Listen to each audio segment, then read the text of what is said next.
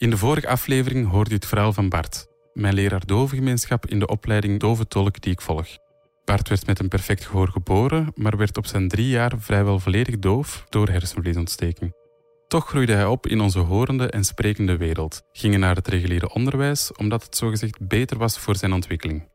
Pas als Bart 25 is, komt hij voor het eerst in contact met gebarentaal en de dove wereld. En daar besefte ik voor de eerste keer dat dat niet klopte. Want die jongeren waren veel gelukkiger dan ik ooit in mijn leven was geweest.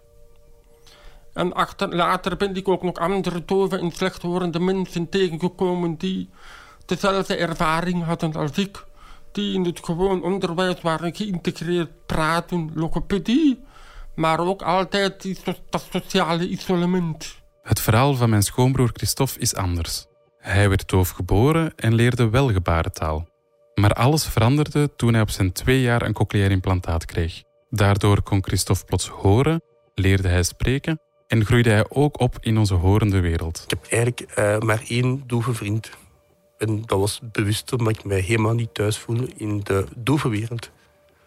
Maar ik ben ook eh, horend opgegroeid. Toch vond mijn schoonmoeder Claudine het belangrijk dat Christophe als kind de dove wereld leerde kennen. Respect. Respect voor degenen die doof willen blijven. Respect voor de dove cultuur. Ehm, dat is een mooie wereld op zich. En ik vind niet dat wij als horende het recht hebben om daar iets aan te veranderen.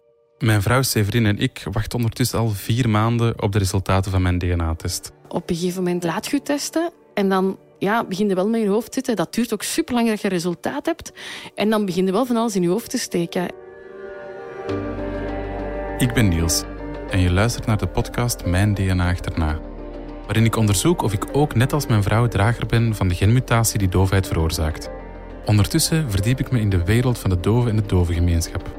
Hoe is het om doof te zijn en je hele leven in stilte moeten doorbrengen? Aflevering 4. Stijn. Klaas is geboren in 1999. En eh, bij toeval of geen toeval was net op dat moment er een nieuwe test voor het gehoor. En die werd voor het eerst toegepast bij kind en gezin. eh, op de leeftijd van zes weken. Terwijl het vroeger veel later was. Ik geloof op na negen maanden of eh, veel later in ieder geval. En hij is trouwens de eerste baby die met die nieuwe test eh, ontdekt is als doof kind eigenlijk op die vroege leeftijd. Dus we hadden ons daar helemaal niet aan verwacht. We hadden dus zelf niet direct iets gemerkt.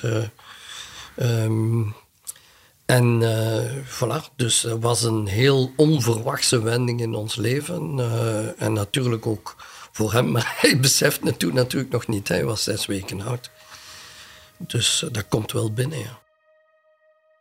In afwachting van de resultaten van mijn DNA-test voelde ik dat het deugd deed om met mensen te praten die uit het niets met doofheid waren geconfronteerd. En zo kwam ik terecht bij filmregisseur Stijn Konings, die je zo net hoorde. Zijn verhaal is bijna identiek aan dat van mijn schoonouders Claudine en Francis.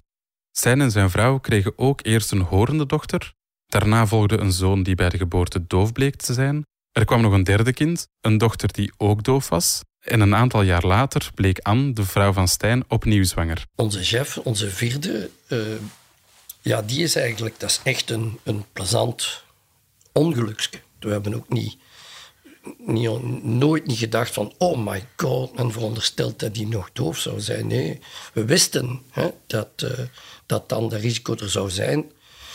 En eh, ja, eh, opnieuw, het was zo. En dan hebben we gezegd, nu zijn we met zes. Drie tegen drie. Stijn en zijn vrouw hebben dus vier kinderen. Tannekin, de oudste, die perfect hoort. Klaas, Marie en Jeff, die alle drie doof geboren zijn. En net zoals bij Claudine en Francis kwam doofheid niet in de familie voor. Toen wij vaststelden dat onze Klaas doof was, eh, zijn we ons natuurlijk gaan afvragen hoe komt dat. Hè? Eh, dus we hebben, ons, we hebben contact opgenomen na advies. Ehm, en hebben natuurlijk, eh, we zijn naar het ziekenhuis gegaan. We hebben ons genetisch ook laten testen. De, ehm, alle genen zijn gecheckt. Hè? En het, het, gen 26 bleek langs twee kanten vatbaar te zijn voor doofheid. Dus we wisten wiskundig vanaf dat moment dat één kans op vier het volgende kind doof zou kunnen zijn. Ehm, Dus het is, niet, het is niet zo dat je dan naar huis gaat en zegt: Oh, dat is niet erg, we gaan er gewoon direct terug aan beginnen. Zo werkt het natuurlijk niet. Wiskunde en de realiteit blijken soms ver uit elkaar te liggen. Mathematisch gezien hadden Stijn en zijn vrouw dus één kans op vier op een doof kind. Maar in de praktijk bleek het drie op vier te zijn. En dat is wel een reality check.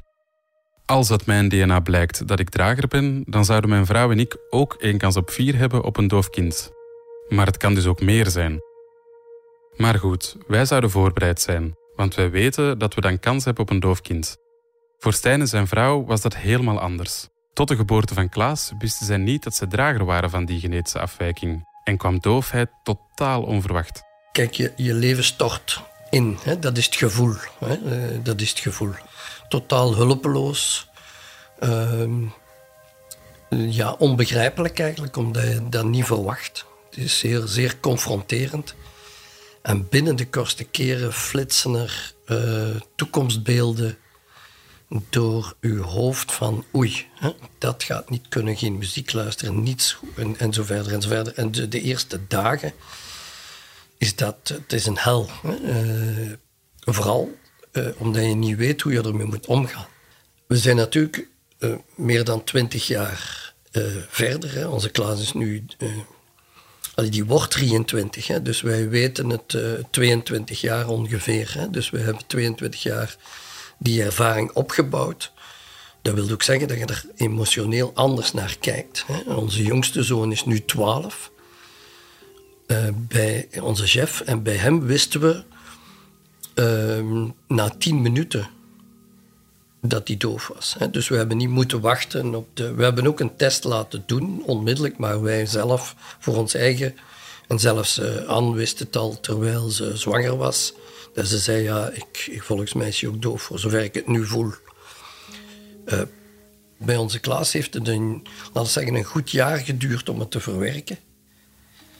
Uh, bij ons Marie, ik denk een half uur. En bij chef tien minuten.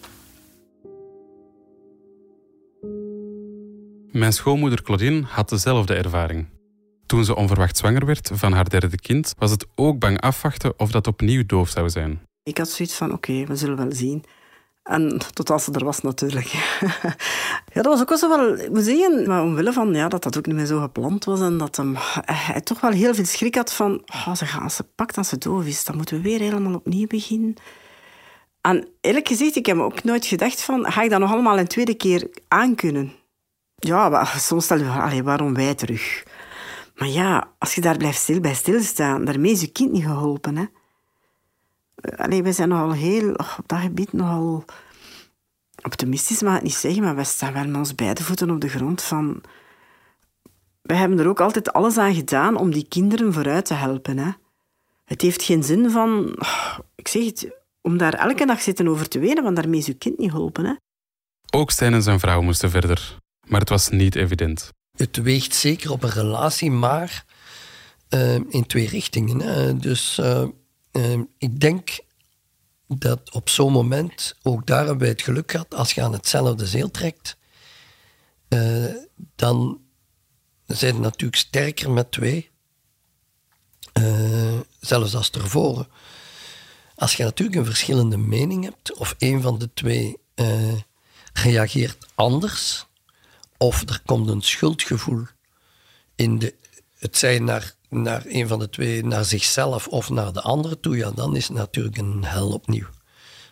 Dus uh, daar uh, zien wij ook natuurlijk dat er, uh, gelukkig zien we, zien we veel koppels die toch heel goed beseffen dat ze samen erdoor moeten. Dus je kunt wel blijven verzetten, maar dat helpt niet. Maar dat is met alles in, het, in de gezondheid. Dus wat dat betreft zijn wij geen uitzondering. Er zijn zoveel mensen die iets moeten aanvaarden van wat er, wat er minder goed gaat. Ja. Maar één keer die stap gezet, ja, dan zijn er heel veel verder natuurlijk. Verwerken en aanvaarden is één ding. Maar dan komt de vraag, hoe pak je het aan? Klaas werd geboren in 1999 en toen stond de technologie nog niet zo ver als nu. Net als bij mijn schoonbroer Christophe was het zoeken naar de juiste aanpak. De eerste optie voor onze klas uh, was natuurlijk proberen met een hoorapparaat. Hè, eh, omdat bij de metingen uh, zij dachten dat hij misschien toch nog iets zou horen. Ehm, meteen werden we ingelicht dat cochleaire implantaten een oplossing zou kunnen zijn. Maar dat stond toen nog niet in de fase van gelijk het vandaag is. Hè. Dus dat, dat was al wel bewezen dat dat uh, kon werken en dat dat werkte. En, en zeker een, een zeer belangrijk hulpmiddel zou kunnen zijn. Maar vooral, uh, zowel wetenschappelijk, maar vooral binnen de dovenwereld, was de mentaliteit en zeker uh, de reactie naar dergelijke hulpmiddelen, zeker cochleaire implantaten, was heel dubbel. Hè. Dus er waren echt heel veel mensen die daar bijna kwaad van werden.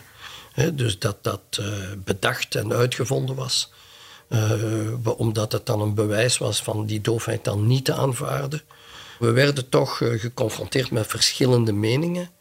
Uh, en bovendien, zowel Anna als ik hadden niet de exacte dezelfde mening. Hè. Dus wat mij betreft was het zoiets van niet twijfelen. Hè. als die technologie er is, tegenover niets moeten we niet twijfelen. Terwijl Anne eerder geneigd was om te zeggen, laat ons even wachten, kijken hoe het gaat. Uh, en en uh, wie weet, uh, misschien dat een kind dat eigenlijk achteraf gezien niet wil of niet gewild had, dan steken we zo'n kind iets in zijn hoofd, onze Klaas op dat moment, wat hij nooit had gewild. Hè. Had hij misschien geweten dat hij liever puur natuur doof was geweest. Dus allemaal vragen die, die erbij komen. De drie dove kinderen van Stijn kregen allemaal een cochleair implantaat. Maar daarmee waren de problemen natuurlijk niet opgelost. Net als Bart en Christophe moesten ze duidelijk leren praten. Wat moeilijk is als je jezelf niet zuiver kan horen. We hebben ook nog het voordeel gehad dat mijn, de Anne, mijn echtgenote, dat die logopedie gestudeerd had. Hè, zonder dat we dat op voorhand wisten dat, we, dat ons dat ging overkomen. Uh, dus zij spreekt zeer goed, zeer verstaanbaar. Uh, maar ze heeft zich nooit opgesteld als, als logopediste, hè, dus gewoon als mama. Um, maar ze heeft heel veel tijd en energie in de kinderen gestoken. Heel veel. En dat wil zeggen voortdurend therapie. Hè? Dus dat was vier keer per week zeker.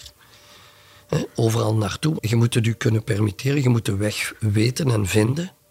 Uh, wij hebben het groot geluk gehad uh, van goede, goed advies te krijgen. Uh, we waren ons daar ook van bewust uh, en dat is de reden waarom dat we dan met, met bepaalde andere ouders uh, uh, de aan begonnen is met Vlok CI op te richten. Dat is een vereniging voor ouders met een cochleair implantaat.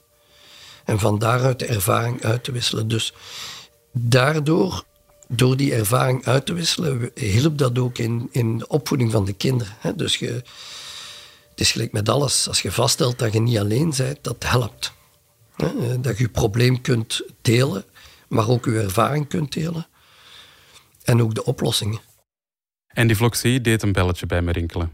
Vloxie organiseert bijvoorbeeld weekends om dove kinderen en hun familie bij elkaar te brengen. Daar hebben mijn schoonfamilie en het gezin van Stijn elkaar vaak ontmoet. Maar de eerste kennismaking was in het revalidatiecentrum.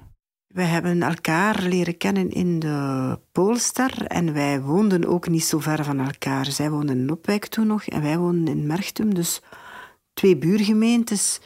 En wij zaten dikwijls samen in de wachtzaal. En dan, ja, zo zijn wij elkaar leren kennen. En de kinderen zijn ook van dezelfde leeftijd. Hè. Naast de leeftijd zijn er nog veel andere parallellen te trekken tussen de kinderen van Stijn en die van mijn schoonouders. Maar er is één groot verschil. Mijn schoonbroer en schoonzus hebben zich helemaal losgetrokken uit de dovenwereld, terwijl de kinderen van Stijn er nog actief deel van uitmaken. En dat was een bewuste keuze. We hebben die dovenwereld in de loop van de jaren leren kennen, leren appreciëren. Uh, fantastische wereld, maar uh, ook veel fantastische mensen.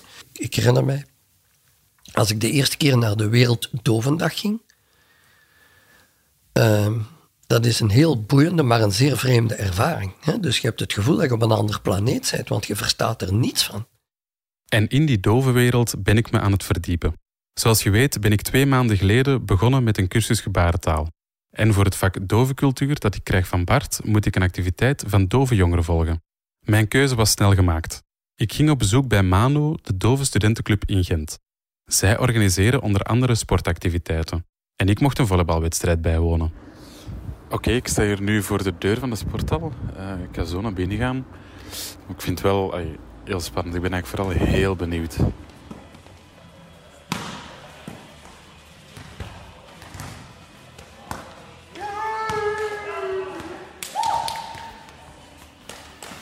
Voilà, ik zit hier nu. En ja, we horen bijna niks. Hè.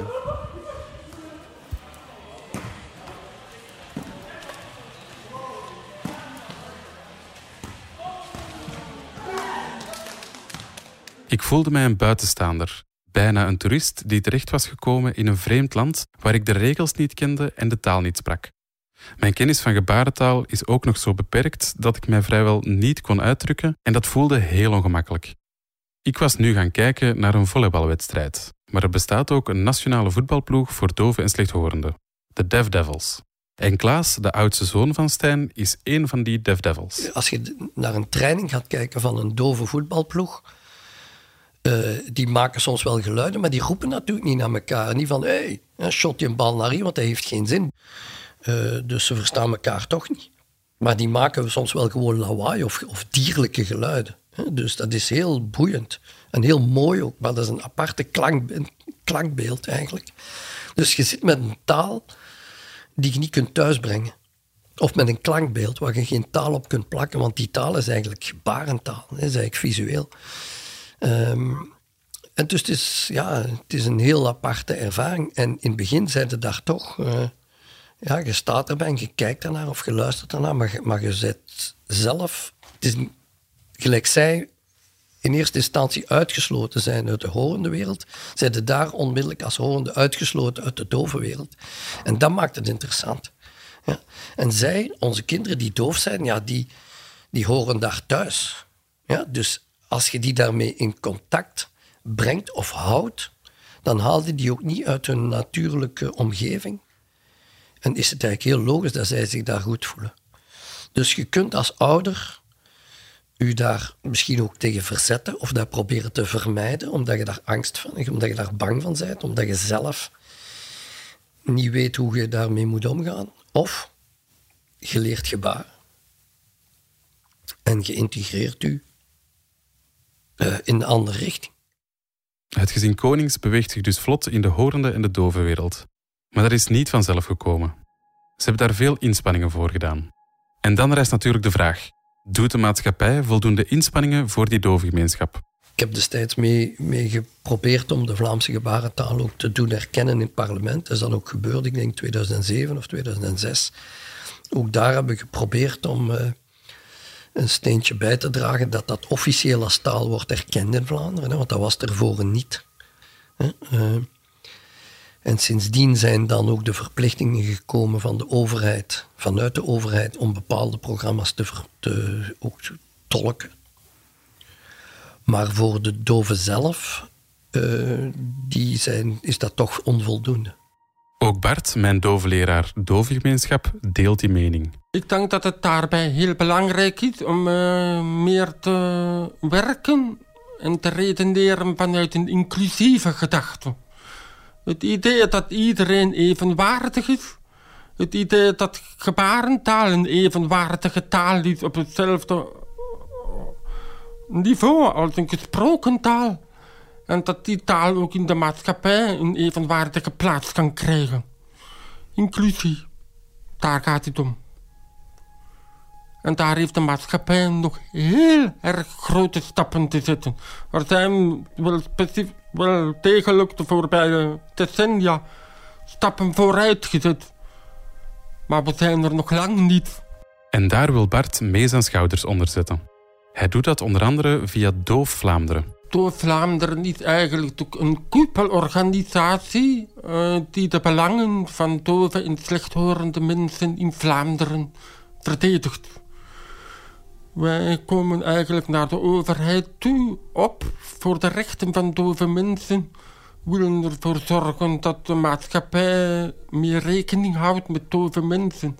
Dat er meer inclusiviteit in de maatschappij aanwezig is.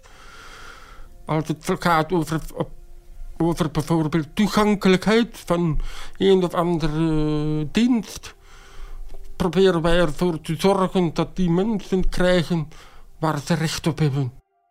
En jammer genoeg moet Doof Vlaanderen regelmatig ingrijpen. Want er wordt nog te weinig rekening gehouden met doven. Echt, eh, als er één ding is waar ze kwaad van worden, is dat er veel te weinig inspanningen worden gedaan om alles te ondertitelen. Ja, en dat je dus eigenlijk, het is al veel verbeterd dat je ja, nieuwsuitzendingen en zo verder kunt volgen in gebarentaal. Maar eh, ik heb zelf ook een paar jeugdfilms gemaakt. En het is toch blijven vechten om, om toch maar vertalingen te krijgen of ondertitels. Het is dus vechten voor ondertitels, maar blijkbaar ook voor dove tolken. Daar zijn nog inderdaad heel wat stappen te zetten, want uh, er is een tolkentekort in Vlaanderen. Daar moeten we eerlijk over zijn. En dat is voor een groot deel te wijten aan een uh, zeer wankel sociaal statuut en een eigenlijk belachelijke verloning. Als je de tolken Vlaamse gebarentaal in loon vergelijkt met het loon van andere tolken, Frans, Nederlands, Engels, Duits, Arabisch, nu maar op, dan is het eigenlijk schaamtelijk hoe weinig uh, tolken, gebarentaal of schrijftolken ook betaald krijgen. Er zijn daar wel positieve stappen in bezig, maar te traag en te weinig. Dat moet ik wel eerlijk durven zeggen. Want wij hebben dat echt nodig. Want ik, ik heb het regelmatig moeilijk om een tolk te vinden. Om nog maar te zwijgen van mensen in het onderwijs. Zoveel mensen die in het onderwijs een tolk gebruiken, hebben recht op, denk ik, iets van een 80 procent uh, van de schooltijd. Maar het aantal jongeren of kinderen die ook effectief 80% van de schooltijd een tolk hebben, ligt heel laag. En dat is iets wat ik mij nog herinner van toen ik pas samen was met Severin. Christophe ging toen naar de hogeschool en had een schrijftolk nodig, maar vond er geen. En toen heeft Severin beslist om voor hem schrijftolk te zijn. Blijkbaar mag iedereen dat als je een bachelordiploma hebt. In mijn broer zijn studententijd um, ben ik voor mijn broer schrijftolk geweest. Dat wil eigenlijk gewoon zeggen dat ik naast hem in de les zat en dat ik dus opschreef wat de leerkracht zei. En hij uh, kon dan ten volle opletten. Mijn zus had ook iemand die dat deed voor haar in het lager. Maar ik, zat, uh, ik woonde in Brussel en mijn broer die studeerde in Brussel. Dat kwam eigenlijk wel supergoed uit uh, voor ons twee. En dat was ook wel... Ik zat graag in de les. Dus dat, dat, dat was echt een match made in heaven eigenlijk. En op het einde had hij notities om zijn examens op te studeren. Zodat hij zich ten volle kon focussen op wat de leraar zei en niet ook nog moest bezig zijn met wacht, die heeft dat gezegd, ik moet dat nu opschrijven. Potentieel sluipt daar een fout in, dus hij gaat dan een fout studeren. En tegen de tijd dat alles dan deftig op zijn blad stond, um, ja, was de leerkracht weer verder. Er zijn dus heel wat praktische hindernissen waar wij in eerste instantie niet bij stilstaan. En dan hebben we het nog niet gehad over het kostenplaatje voor alle therapieën, maar natuurlijk ook voor het cochleair implantaat. Er is intussen terugbetaling, maar er ging een hele evolutie aan vooraf. Dat heeft professor Officiers van dichtbij meegemaakt. Want in het begin was er geen terugbetaling. Hè? Um, en ik moet zeggen, België was een van de eerste landen met een systematische terugbetaling, zowel voor volwassenen als kinderen, van één implant. Het tweede implant voor kinderen heeft redelijk lang op zich laten wachten om budgettaire redenen. En, en je moet je, je casus bewijzen voordat men betaalt. Hè. Dus we, hebben heel wat kinderen een tweede implant kunnen geven, maar via sponsoring van allerlei kanten. Uh, en moeten bewijzen hoe belangrijk dat tweede implant is. Daar kunnen Stijn en Claudine over meespreken. Twintig jaar geleden was er inderdaad maar terugbetaling voor één implantaat. Er was maar een goedkeuring op dat moment voor één kant. Ik ben dan samen met een aantal andere ouders beginnen mee via ook de hulp van de verschillende artsen. Eigenlijk uh, gaan discussiëren, ook met het RISIF destijds en tot op het ministerie van Volksgezondheid. Uh, en ook gaan pleiten hè, om toch een de tweede kant ook terug te betalen. Um, vooral omdat dat een zeer dure affaire is. Wij hebben denk ik voor uh, het tweede implantaat in eerste instantie 16.000 en zoveel euro bijbetaald. Uh, door het feit dat ik iets of wat bekendheid had, werd ik, heb ik mij proberen in te zetten in de mate van het mogelijke. Zowel om te pleiten voor de terugbetaling, maar ook, ja, ik herinner mij dat we ja, activiteiten georganiseerd hebben. Een soort van buurtfeest voor een ander kind. Uh, en daar reclame voor gemaakt hebben, omdat die ouders ook onmogelijk uh, zo'n implantaat konden betalen. Gelukkig worden dus vandaag twee implantaten terugbetaald. Dat is onder andere dankzij de inzet van Stijn en andere ouders. Maar ook professor Officiers heeft mee aan die kar getrokken. Al beseft hij dat het voor het RISIF geen evidente beslissing was. Het zou makkelijk zijn om te klagen van uh, het doet niet genoeg en dit en dat. Maar uh, het RISIF staat voor alle medische uitgaven. En er is dus competitie tussen al die verschillende gebieden die in ontwikkeling zijn. De technologie kan altijd meer. Dus men moet met het budget dat er is, moet men woekeren om te zien wat dat men doet. En ik moet zeggen, ik heb altijd bijzonder goede uh, medewerking gehad van het RISIF voor de dingen die we vroegen. Claudine en haar man hebben destijds nog behoorlijk wat moeten investeren. Toen bijvoorbeeld het eerste implantaat van Christophe na een tijdje defect bleek, hebben ze zelf het nieuwe toestel betaald. Want er was geen terugbetaling voor. We hebben daar per, per kind hebben wij 20.000 euro moeten betalen. Maar ja, op dat moment, we konden ook moeilijk Christophe met een implantaat in zijn hoofd laten zitten dat een lekkage had. En dat wil zeggen dat dat elektrische eh, lekkage had. Van het moment dat daar energie werd opgezet, begon dat te lekken binnenin en dat elektrische schokjes. Dus dat kon niet, hè. Uh, dus uh, ja, hebben wij dat dan maar zelf gesponsord. Hoe je het ook draait of keert, of je nu veel middelen of weinig middelen hebt, in ieder geval zijn er extra kosten hè, die zo'n beperking met zich meebrengen. Dat kan niet anders. Hè. Dus al was het maar alleen de batterijen van die apparaten. Dat is, ik herinner mij want dat systeem is veranderd, maar op een bepaald moment was dat alleen met kleine batterijtjes. Je kon, je kon ze ook uh, kiezen voor heroplaadbaar, dat is nog altijd zo, of niet. Maar wij gaven op een bepaald moment toch alleen maar aan de batterijtjes toch zeker 1000 euro per jaar uit. Dus uh, nu zouden een aantal mensen kunnen zeggen, ja, maar dat is de kop toch niet af. Maar 1000 euro, hè? Uh, dat is immens eh, voor vele mensen. Hè? Ik spreek nog niet over de verzekering bijvoorbeeld die je neemt of niet neemt. Hè? Ik stel vast dat wij gedurende 20 jaar hè, per jaar meer dan 500 euro aan verzekering betalen voor apparaten, terwijl dat we nog nooit iets mee hebben kunnen doen met die verzekering.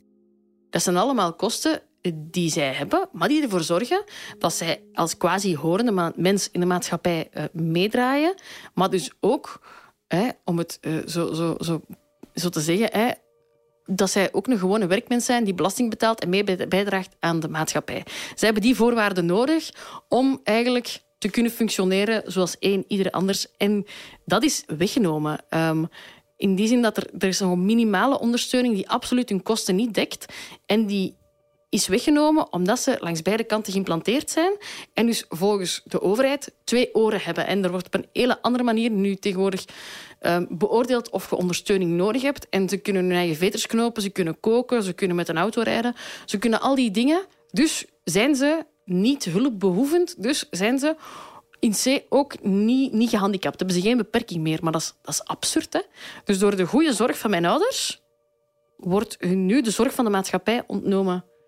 Maar het is absurd om te bedenken dat je vanaf je 21 er alleen voor staat om allemaal die kosten te dekken die ervoor zorgen dat jij net kunt meewerken in de maatschappij om pensioenen te betalen en belastingen te betalen en gewoon mee te werken als, als vaste collega. Dat is eigenlijk dat is, dat is absurd. Mijn zus heeft recht op amper of niks. Dus officieel is zij ook niet meer doof. Wat toch echt te zot voor woorden is.